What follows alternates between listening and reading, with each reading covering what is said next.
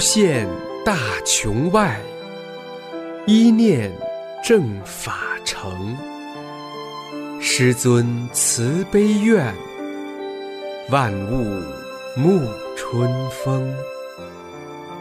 请听明慧专题《一师恩》。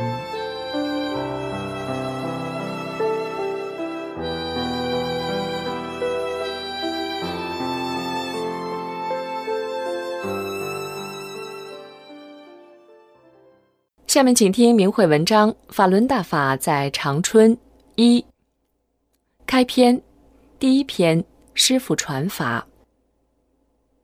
远古的松嫩大平原，冰雪覆盖，寒冷异常。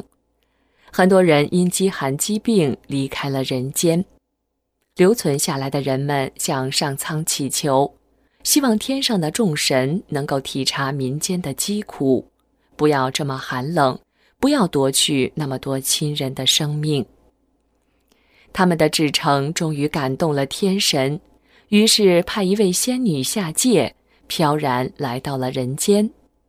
她捧着两把种子送给人们，并告诉他们：“你们把它种下去，当它们成熟以后，你们将不用再惧怕寒冷，你们的生活也会充满欢乐。”于是人们感激地收下种子，虔诚地播撒在河畔。春天的时候，饱含着人们希望的种子终于发芽了，开花了，柔枝分披，花团锦簇，生机盎然。人们欣喜若狂，名为长春花，希望春天能永远眷顾他们。天赐福地。也自然是人们祭天祈福之地。在上苍的护持下，这块开满长春花的地方，历经了自然的沧桑巨变、人口的迁移聚合、朝代的更替、设置的改换，由民间自称的长春堡，到辽金时设置的长春州，经清朝和民国时期设立长春厅。至长春府改名长春县，直到民国三十六年，即公元一九四七年，定制为长春市。福地长春，吉祥之宝。从久远的历史走过来，这个古老而年轻的城市，到上一个世纪末已汇聚成市区人口二百多万的都市。历史终于走到了今天。千年的等待，万年的期盼，神佛到人间，众生喜相伴。红银三，回天是彼岸。法轮大法从这个美丽而吉祥的城市长春开传。第一篇师傅传法。一，长春的七七传法班。一九九二年五月十三日。首期法轮功学习班在长春市第五中学阶梯教室开班，这是李洪志师傅首次面向社会传授法轮功。从这一期班开始，有了第一批法轮功学员。师傅说：“你们来了，第一期难得啊！我给你的是多少年也得不到的。”紧接着，五月二十五日至六月三日。在这里，师傅又办了第二期法轮功学习班，参加人数由一期班的近一百八十人增加到二百五十人左右。师傅以气功的形式传法，参加一期、二期班的学员好多都是气功爱好者，为了达到祛病健身的目的，而且练了好多年。还有一些佛教居士在佛教中待了好多年了，身体不见好，层次也没上去。针对当时的情况，李洪志师傅亲手编写、绘制了讲本《法轮功》，一进门就发给大家。师傅一上来传功，就与其他气功不同。师傅说到了气功的根本。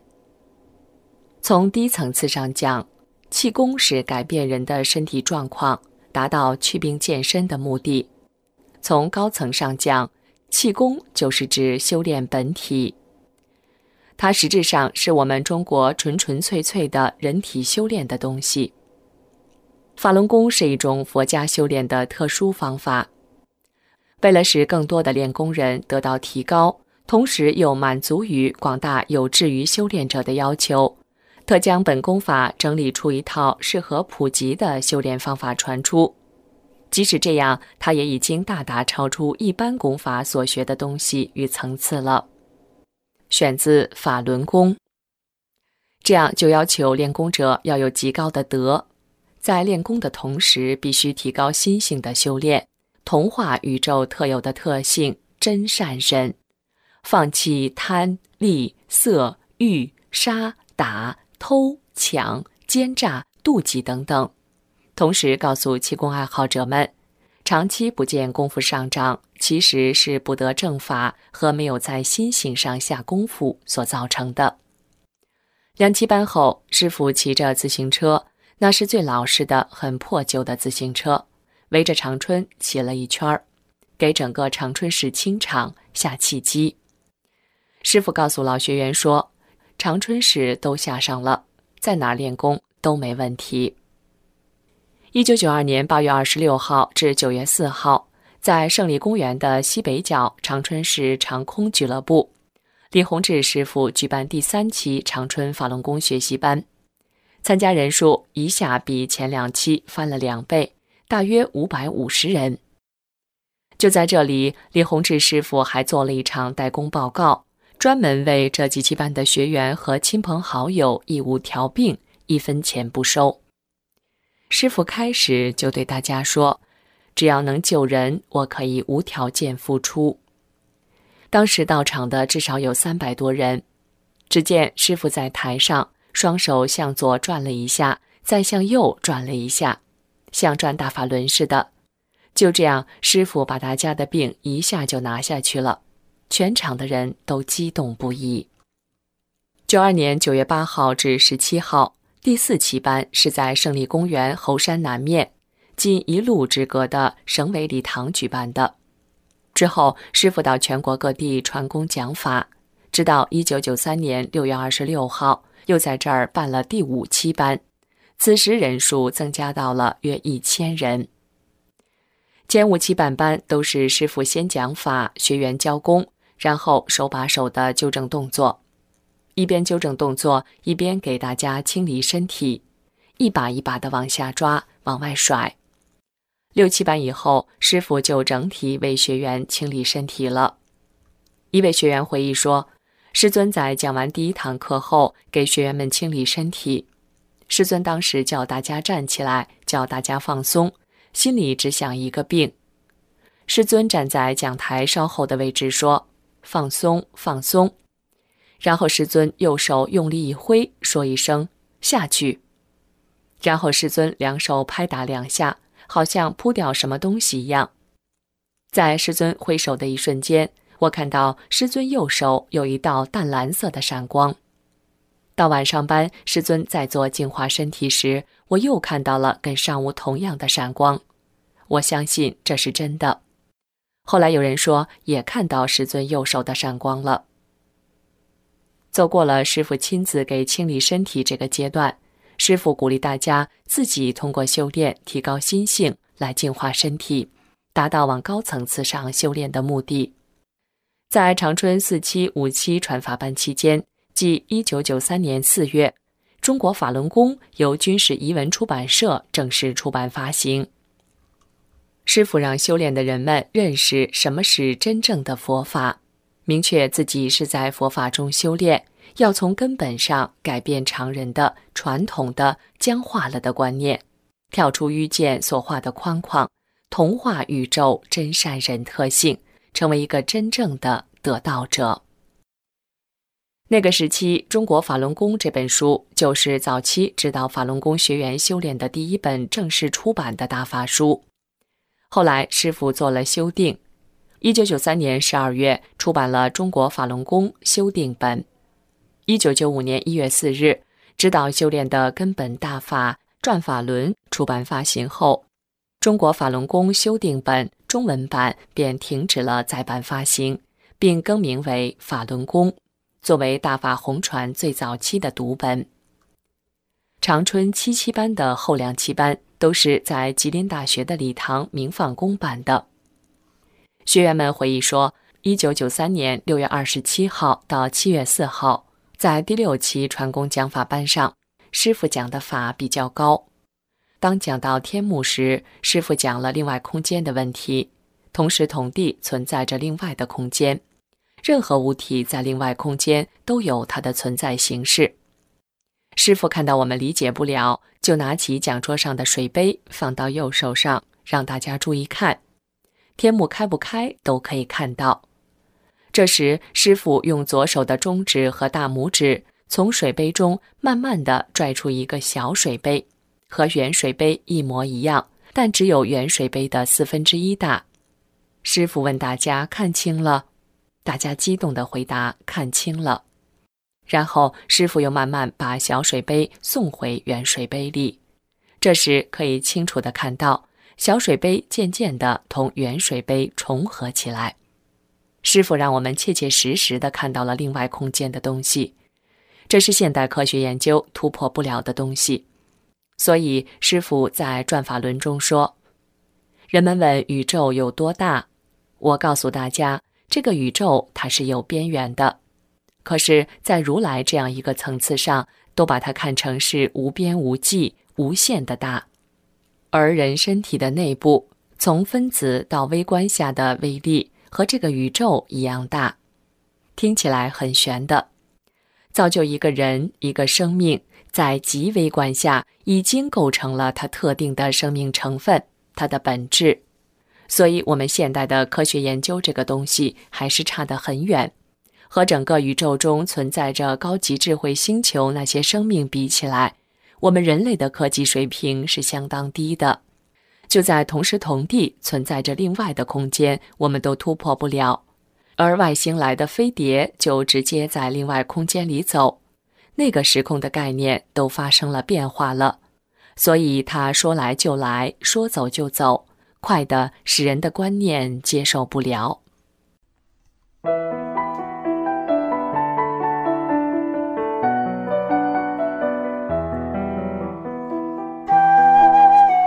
您现在收听的是明慧专题《易师恩》。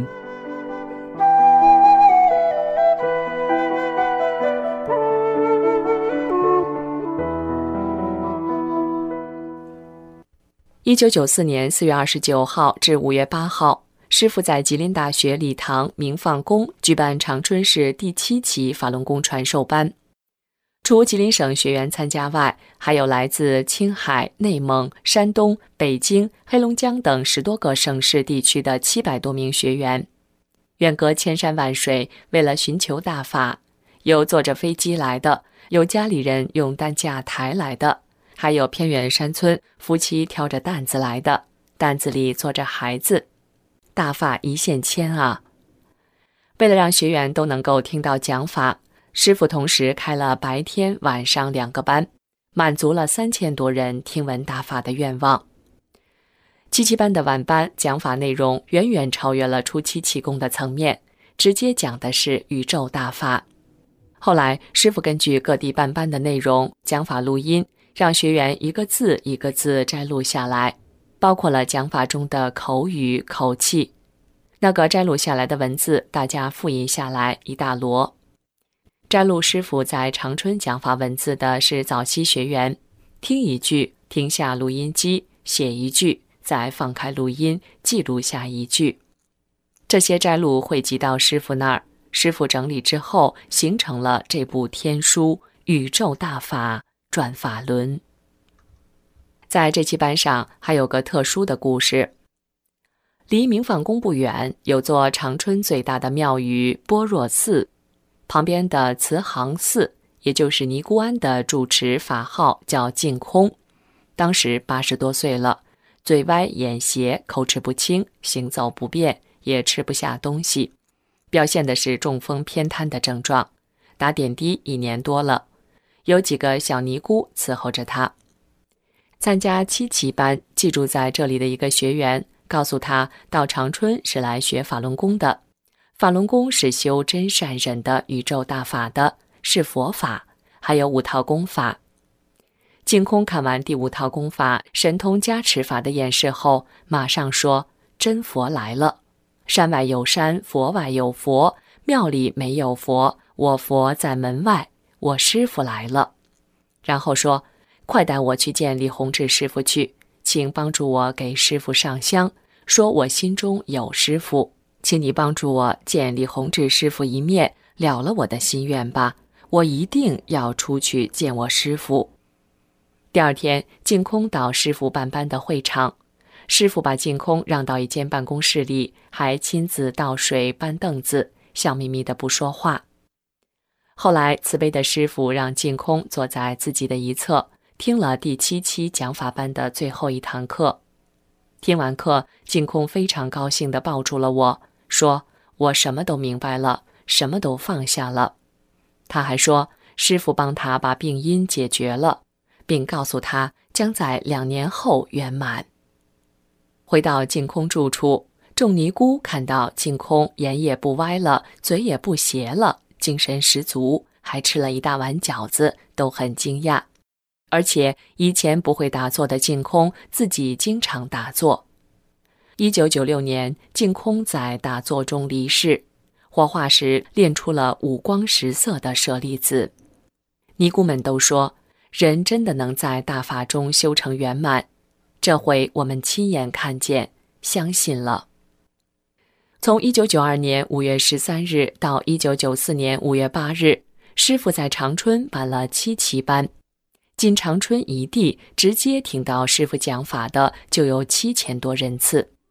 学员们每每回忆起师傅讲法的那段日子，如同回到当年在师傅的身边，如沐佛光。正像师傅在转法轮中说的：“我觉得能够直接听到我传功讲法的人，我说真是，将来你会知道，你会觉得这段时间是非常可喜的。看到师傅给学员讲的、做的这一切，大家开始明白什么是不讲条件、不讲代价、不计报酬、也不记名的，比常人中的模范人物可高得多。”这完全是出于慈悲心。选自《转法轮》，这是佛在世度人啊。一九九四年十二月二十一日至二十八日，师傅在广州办第五期学习班，这是师傅在大陆的最后一期面授班。长春好多学员都知道，放下手中的一切，紧随师傅去广州听法。回长春时，带回一张师傅打大手印的照片。师傅小腹部位有一个法轮平立着的，呈浅绿色。学员们看到这张照片，明白了师傅在小腹部位给下法轮，法轮在另外空间是什么状态？法轮的颜色，法轮的颜色变化，不能掺进其他的东西，使法轮变形。师傅把这个法借用现代照相技术，直接展现给了大家。大家互相传着看，由新奇变得对师傅、对大法的信实，大法的真实存在，是真正的科学，而不是说教与唯心。选自《经济要旨》正实。二，传法班中的神迹。师傅在传法教功过程中显现出来的神迹非常多，凡是见到的人无不惊愕赞叹。直接听到师傅讲法的人体悟更多。这些神迹的展现是在中共统治下，在无神论的灌输下，洗了脑的中国人破除了固有的观念，反出人的真本性，寻找佛法真理，走上返本归真之路。一七二七班的学员大部分都是在胜利公园练气功的气功爱好者，好多人都是当时师傅把身体调好了。有两个罗锅很严重的，就是在那儿师傅把他们的罗锅直过来，当时个头就高了好多，现场看到的人都惊叹不已。在第三期班上，有位中年妇女在粮库上班，被米袋砸了，瘫在床上很长时间。所有的方法都治了，就是不好。当时他正在医院住院，家里人把他抬到了航空俱乐部，还跟来了医院的几个病友。师傅讲课之前，让他家人把担架抬到讲台上，就短短的几秒钟的时间，师傅让他坐起来，他就坐起来了；师傅让他站起来，他就站起来了。接着，师傅让他走一圈看看，他就真的在台上走了一圈。家里人和跟来的病友们感激不已，从此全家人走进大法，开始修炼。在第四期班。师傅让几个参加班的学员站在讲台上，有一个人肚子里有个大肿瘤，师傅给他清理身体。当时他连脓带血，顺着裤子往下淌，肿瘤消失了，肚子平复了，裤子一下子系不住了。多少学员见证师傅的神迹，大法的神奇。在第七期班，有两位脑血栓患者扔掉了拐杖。五月六号白班课后，接近中午的时间，南湖练功点学员来到礼堂门前等候与师傅合影。其中一位六十七岁的高级工程师患脑血栓四年了，拄着拐杖坐在椅子上。师傅来了，对他说：“把拐杖扔掉，椅子撤下去。”老人听了，慢慢站起来，撤下椅子，扔掉拐杖。他试着迈出左脚，又迈出右脚。然后在礼堂门前走了几圈儿，他高兴地笑，又激动地哭。在场的人群目睹这神奇的一幕，无不惊叹：神了！老人自己上台阶，走进礼堂听课，从此不用拐杖，能自己走路了。他老伴儿当晚给师傅写感谢信，代表全家感谢师傅，决心练好法轮功，报答师傅的恩德。又有一件事是，那一天中午，一个身穿铁路服、五十多岁的人突然从人群中冲出来，他双手合十地向前跑，然后他又回头往后跑，他一下跑到师傅脚边，跪下连连磕头，眼泪直流。他激动地拿起拄的大拐杖，跑到礼堂花园水泥台上摔断了，说与拐杖绝缘了，他的脑血栓好了。面对这样的场面，师傅就是那么平静祥和地笑着。师傅在转法轮中讲了，还有一件长春的事：有个学员家旁边在盖楼，现在这个楼盖的可够高的，那个手脚架都是两寸粗的铁管子，四米长。这学员从家里走出来不远，一根铁管子就从那高楼上垂直下来了，直奔他头顶穿下来了。马路上的人都惊呆了。他说：“谁拍我？”他还以为谁找他脑袋拍一下呢。就在这一瞬间回头的时候，看到头顶上一个大法轮在那儿悬呢。这根铁管子顺着头就滑下来了，滑下之后插到地上不倒。那要真插到人身上，大家想一想，那么重，那真是串糖葫芦一样，一穿到底的，是很危险的。那位学员回忆说：“当时我家在四分局附近住，附近有一处盖大楼。有一天我路过那里，突然一根铁管子从高处下来，直向我的头上砸来，砸到头上又下来，扎到地上不倒。我的头砸了一个坑，但不出血也不疼。我说谁拍我？我回头一看，一个白色的大法轮一边旋一边往上升呢。”当时很多人听说我被铁管子砸了，没事儿都来看我，我就讲当时我是怎样被砸的，大法轮怎样保护我的。师傅在转法轮中讲，我们上次在吉林大学办班时，有个学员从吉林大学正门出去，推个车子，刚走到中间，两辆轿车一下子就把他夹在中间，眼看就要撞上了，可是他一点都没有害怕。我们往往遇到这种事情都不害怕，在那一瞬间车就停住了，没有出现问题。学员回忆当时的情景，那是七七班中午散场，我最后从明坊宫出来，走到吉林大学正门，看见师傅站在大门口。我过解放大路快车道，正推着车子走到中间，东西两边两辆轿车一下就把我夹在中间了，就要撞上了。车一下就停住了，我也没害怕，像没事儿似的走到慢行道，回头看看，师傅站在大门东侧人行道上，还在那儿看着我呢。当时并不明白怎么回事。九五年初，《转法轮》出版了，一看书才明白，那次是取命来了，师傅保护了我，我还了一次命债。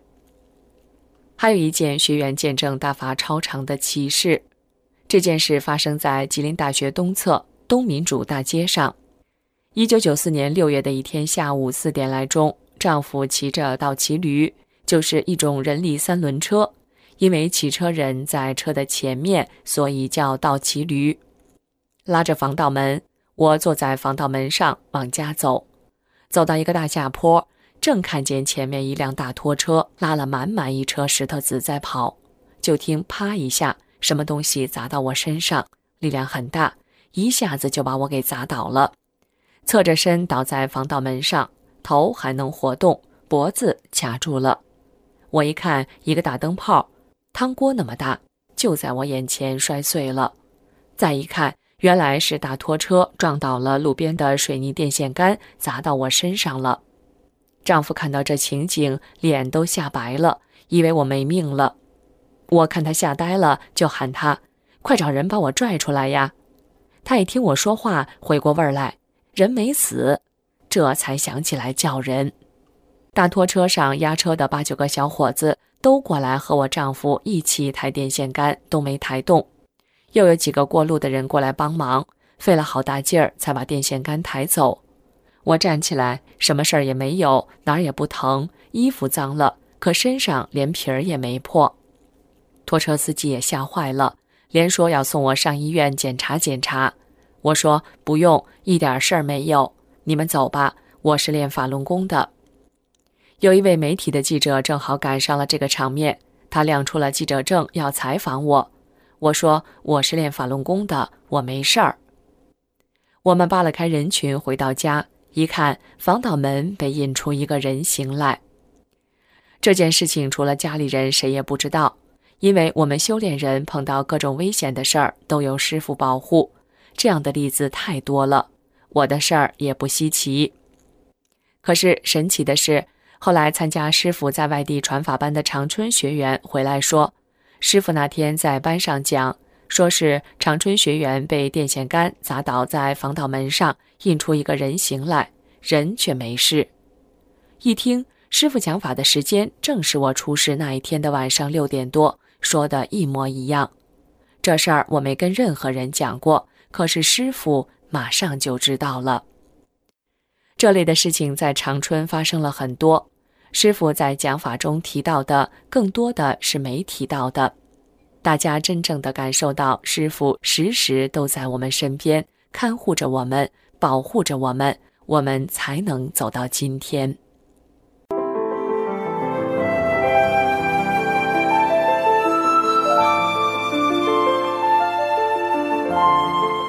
您现在收听的是明慧专题《易师恩》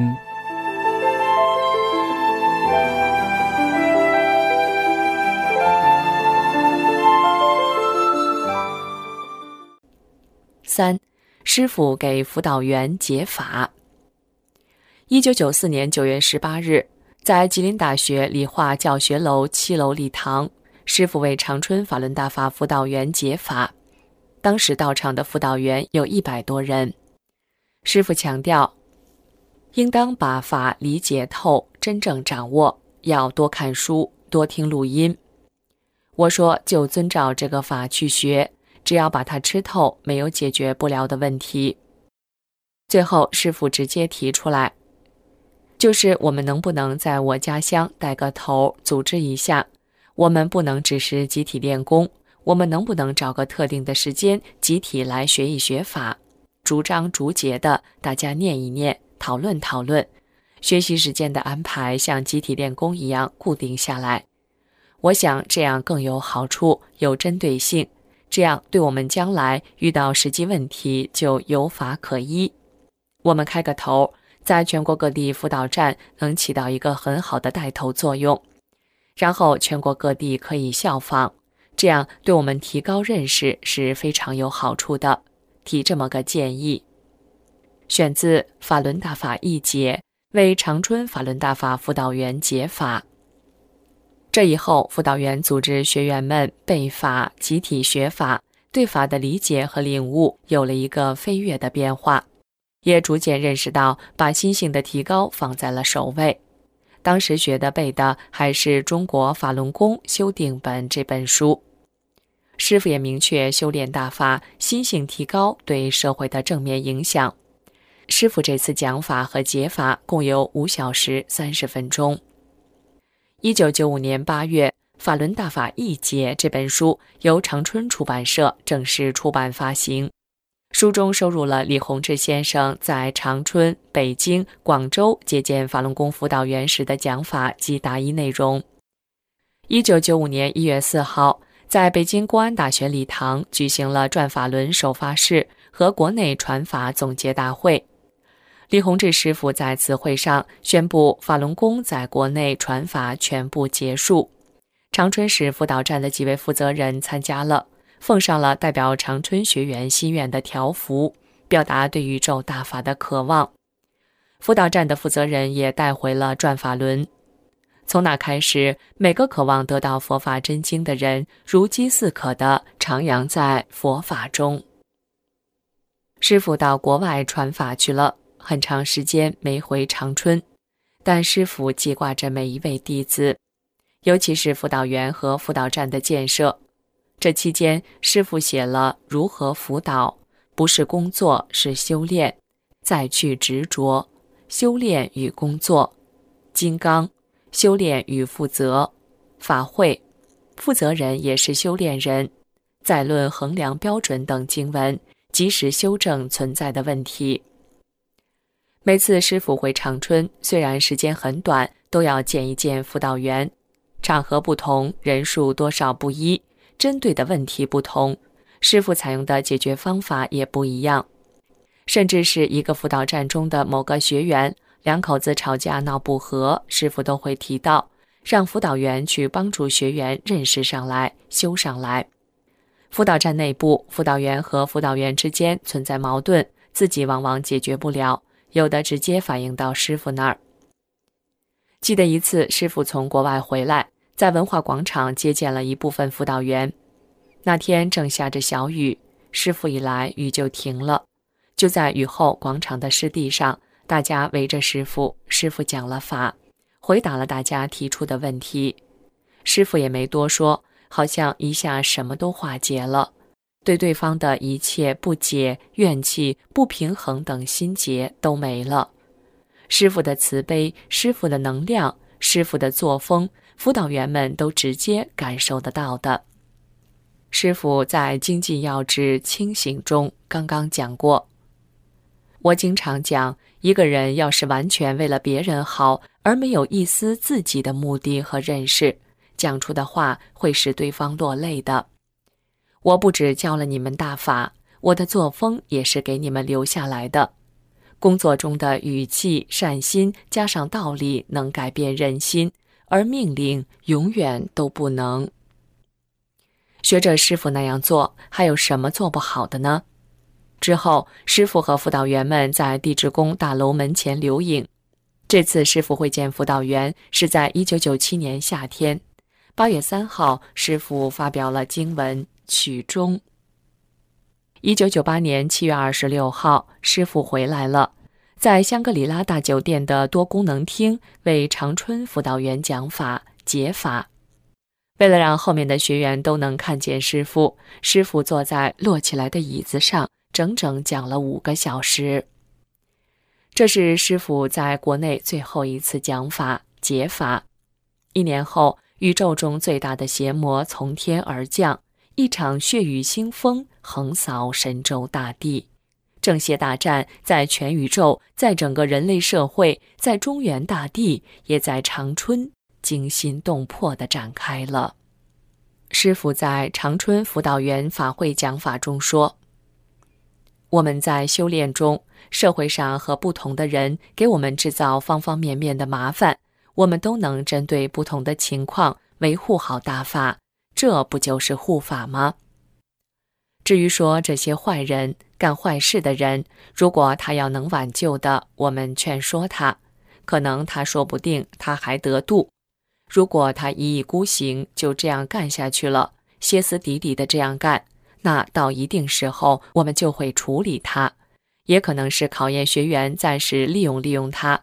等我们修炼结束，他自己做的一切，他都得去偿还，这是肯定的。现在回想起师傅的讲法，已经是在迫害之前对学员的谆谆嘱托了。只是大家看不到、体会不出师傅对弟子方方面面的苦心叮咛。师傅非常周密有序的把宇宙大法传出来了，把修炼的形式留下来，千秋万代，金刚不破，永世长存。学员们扎扎实实的学法修炼。一九九九年一月，师傅的诗作《红银》由青海人民出版社出版发行，书中收录了师傅一九七六年十二月至一九九八年十一月的诗作七十二首。大家得到这本《红银》时是四二五后，师傅的法指导学员们修炼。心明，为师弘法度众生。四海取经，法传灯；十恶毒誓传大法，转动法轮，乾坤正。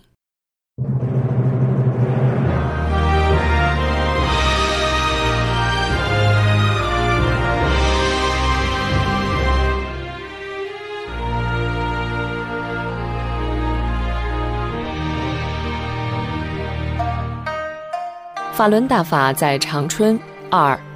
第二篇，弟子学法得法。一读法背法抄法。从师傅办完七七班，尤其是九月十八号，师傅给辅导员解法之后，大家已经走出练练功、健健身的层次和状态，明白这是佛法修炼了。那么学好法、理解好法就是关键了。为了激励学员们修炼精进。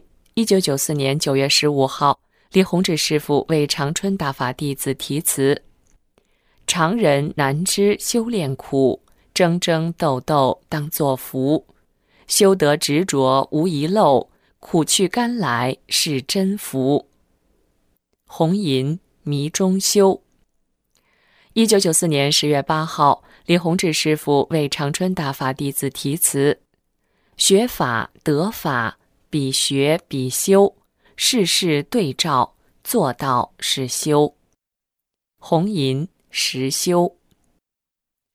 同学们坚持自己学法，还固定了时间，集体学法，形成了一个学法修炼的稳定纯净的环境。很多学员抄法背法，体悟很多。一个学员写下自己背法提高的体会：当我背。真正往高层次上带人时，就像第一次读转法轮，里面包含了无尽的内涵，层层的法理，高度的集中。我真正感觉自己的头太小了，要不破除常人的观念，容不下这么高深的佛法。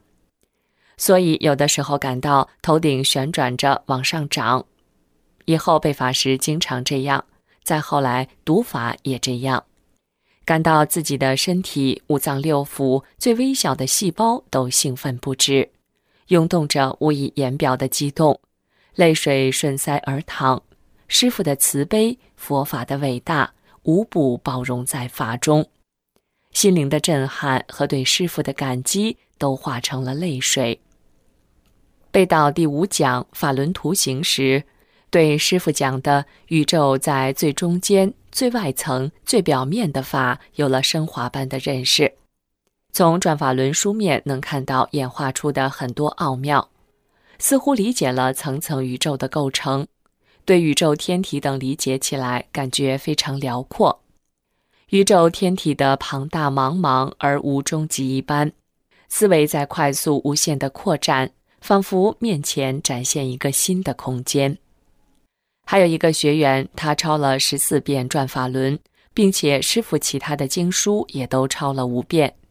这在学法小组是个很普遍的现象。那时拿出师傅的任何一段法，都能找到出处，甚至能说出页数来。师傅每出一篇经文，当时大家都自觉地背，第二天在学法点，几乎每个人都能背下来，不管篇幅长还是短，都一样照背不误，形成了一个良好的学法环境。当时有段时间，中共宣传部门禁止出版《转法轮》，大家就工工整整地抄好，送给需要的新学员。尽管师傅把法讲明并严格要求，但总是出现一些问题。师傅不断地写出经文，及时纠正，汇集起来就是精进要旨。长春出现的事情，师傅更是格外关注，格外操心。二、集体交流。自从师傅给长春辅导员讲法时，建议学员集体学法后，学员们在集体学法的环境中提高很快，修炼中遇到的问题在交流中得到了解决，也形成了相对稳定的学法形式。长春这个头带好之后，中国大陆各地区来长春学习交流的学员很多，小组学法的时候，经常有外地学员来取经。有的是亲朋好友介绍来的，有的是长春辅导站安排来的，带着疑问和困惑来的，交流后带着经验回去了。最早是周边的地区，然后是各省市地区都有，再后来海外的学员也来了。一九九七年十二月二十九号到一九九八年元月三号期间。台湾地区及美国、加拿大、澳大利亚、日本、印尼等八十三名法轮功学员组成旅游团，到长春交流学法、修炼体会。海外学员来长春交流，历时五天半的时间，和长春学员交流了如何学法实修，如何组织学法，如何依法为师，排除干扰，如何弘法等问题。晚上到学法小组参加学法。新年期间，并冒着严寒风雪参加文化广场和人民广场的晨练及大型集体弘法活动。海外旅游团这么多人修炼法轮大法，在长春市社会上产生了很大的影响，对长春的弘法起到了作用。海外学员住在国际大厦，五天半的时间安排的满满的，在客房里、小会议室、大会议厅。大家做了大型的、小型的、单独的、非常广泛的交流。长春学员还听到台湾学员介绍，一九九七年十一月师傅曾去台湾的情景，得知台湾已有十七个市县两千多人修炼大法，了解到美国、加拿大、澳大利亚等地大法发展的盛况，很受鼓舞。深冬之际，长春气温在零下二十多度。尤其是台湾学员只穿了单衣单裤，长春学员就把自己的家人的棉衣送给他们穿。台湾见不到雪，他们特别希望能看到下雪，结果下了一场挺厚的雪。海外学员还到长春市胜利公园猴山前吉大明放宫广场听老学员讲述师傅早期在这里练功和传法的情况。元月三号，海外法轮功学员离开长春返程，大家到机场送行，依依惜别。他们把师傅传法的事迹、师傅家乡弟子学法修炼的经验带到了世界各地。这以后，各地到长春交流的学员越来越多，海外的一些站长、负责人也到这里来交流弘扬大法的经验。一九九八年夏。长春学员接待了新加坡站长夫妇二人，在名门大酒店还开了法会，集中交流怎样做好辅导员、修好自己、带好学员，引导更多人得法。您现在收听的是明慧广播电台。您现在收听的是明慧广播电台。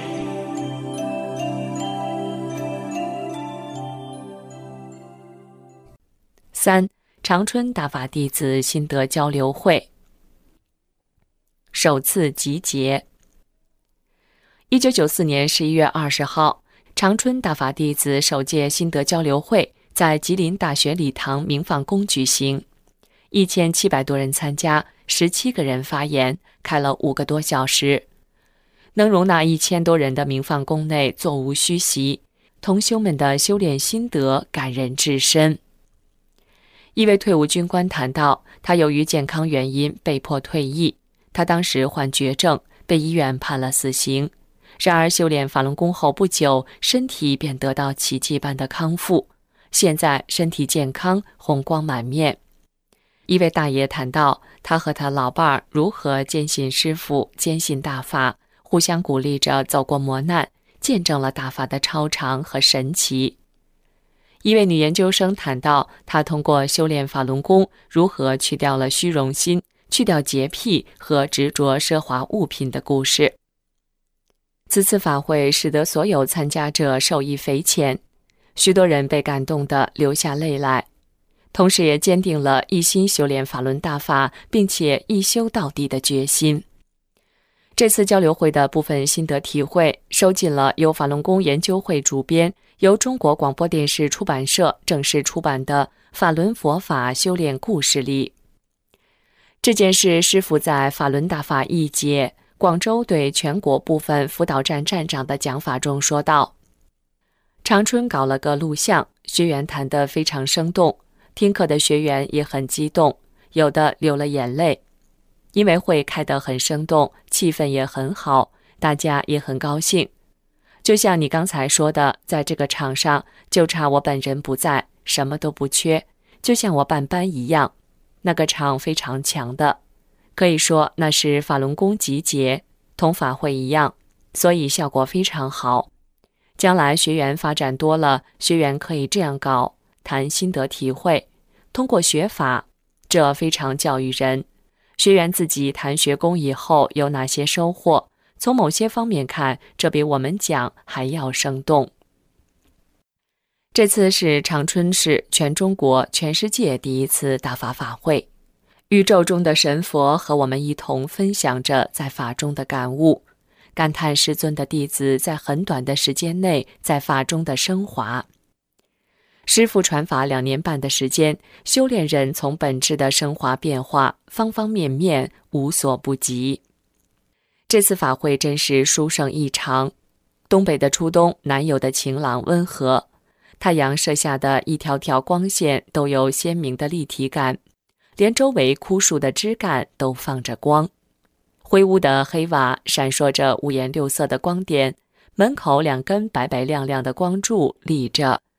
随着大家有序的入场，一片片光云，一串串光团，尤其是像草帽样的类似飞碟的光，从大家的头上，从门楣的下边进了会场。一些开了天目的学员看到宇宙中神佛都来了，连树叶上都是。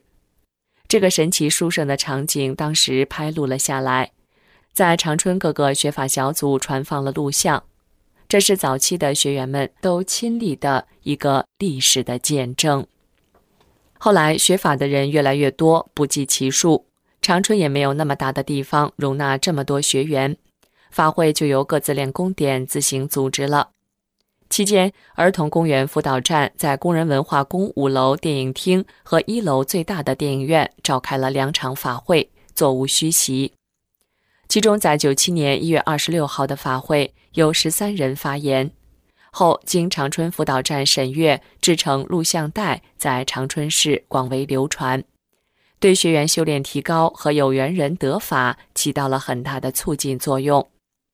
九八年各练功点召开法会很普遍，东盛电影院、财税专科学校礼堂、拖拉机厂俱乐部都开过大型法会。九九年四二五当天，长春两场大型法会，绿园练功点在炮兵旅的部队礼堂召开，一个个起死回生的惊人神迹，一件件心性修炼升华的感人故事，震撼着在场的每一个人，不仅是学员，还有家属、亲朋好友，包括学术界的同仁、政府机关的官员、部队的士兵首长。那是在人世间已经找不到的净土，慈悲纯净的能量清洗着尘世的污浊，涤荡了与会者的心灵，在沉静中默默的变化升华着，同化这宇宙的大法。法会这种师傅留下的修炼形式越来越走向成熟。辅导员培训。一九九五年十月，在吉林大学外语楼小礼堂进行首次辅导员的集体学法交流，当时参加的将近三百人。这一期辅导员培训班就是帮助辅导员学好从真修到何为空等九篇经文。各练功点的辅导员讲了学这些经文的体会，还有一个小弟子背诵了悟，还讨论“明智”一文中说的比较弱的思想业力和自己不好的思想如何区分，真正从宇宙大法的法理上升华认识。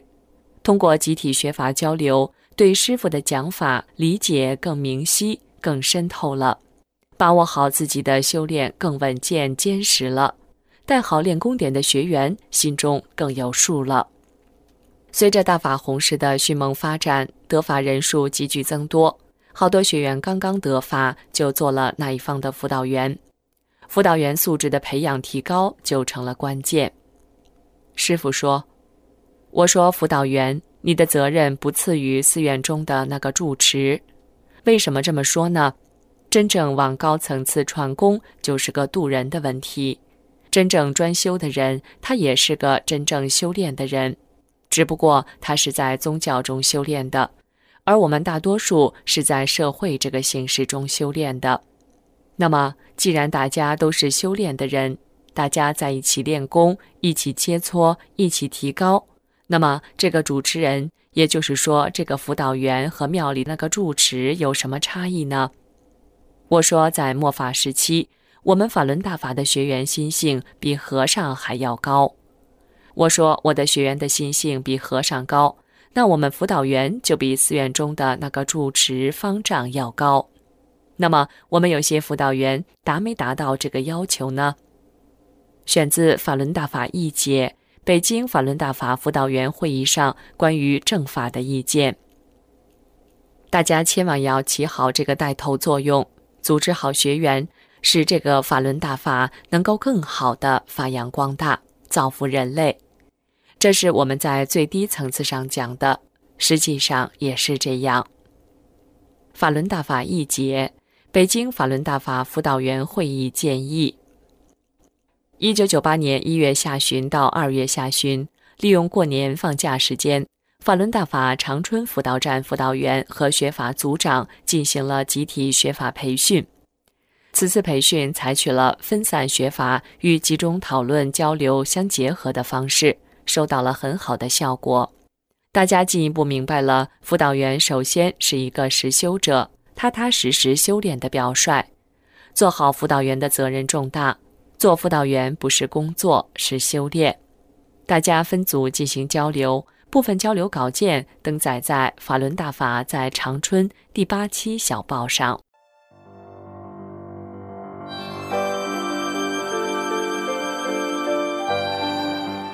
这一期的易师恩就到这里，谢谢收听。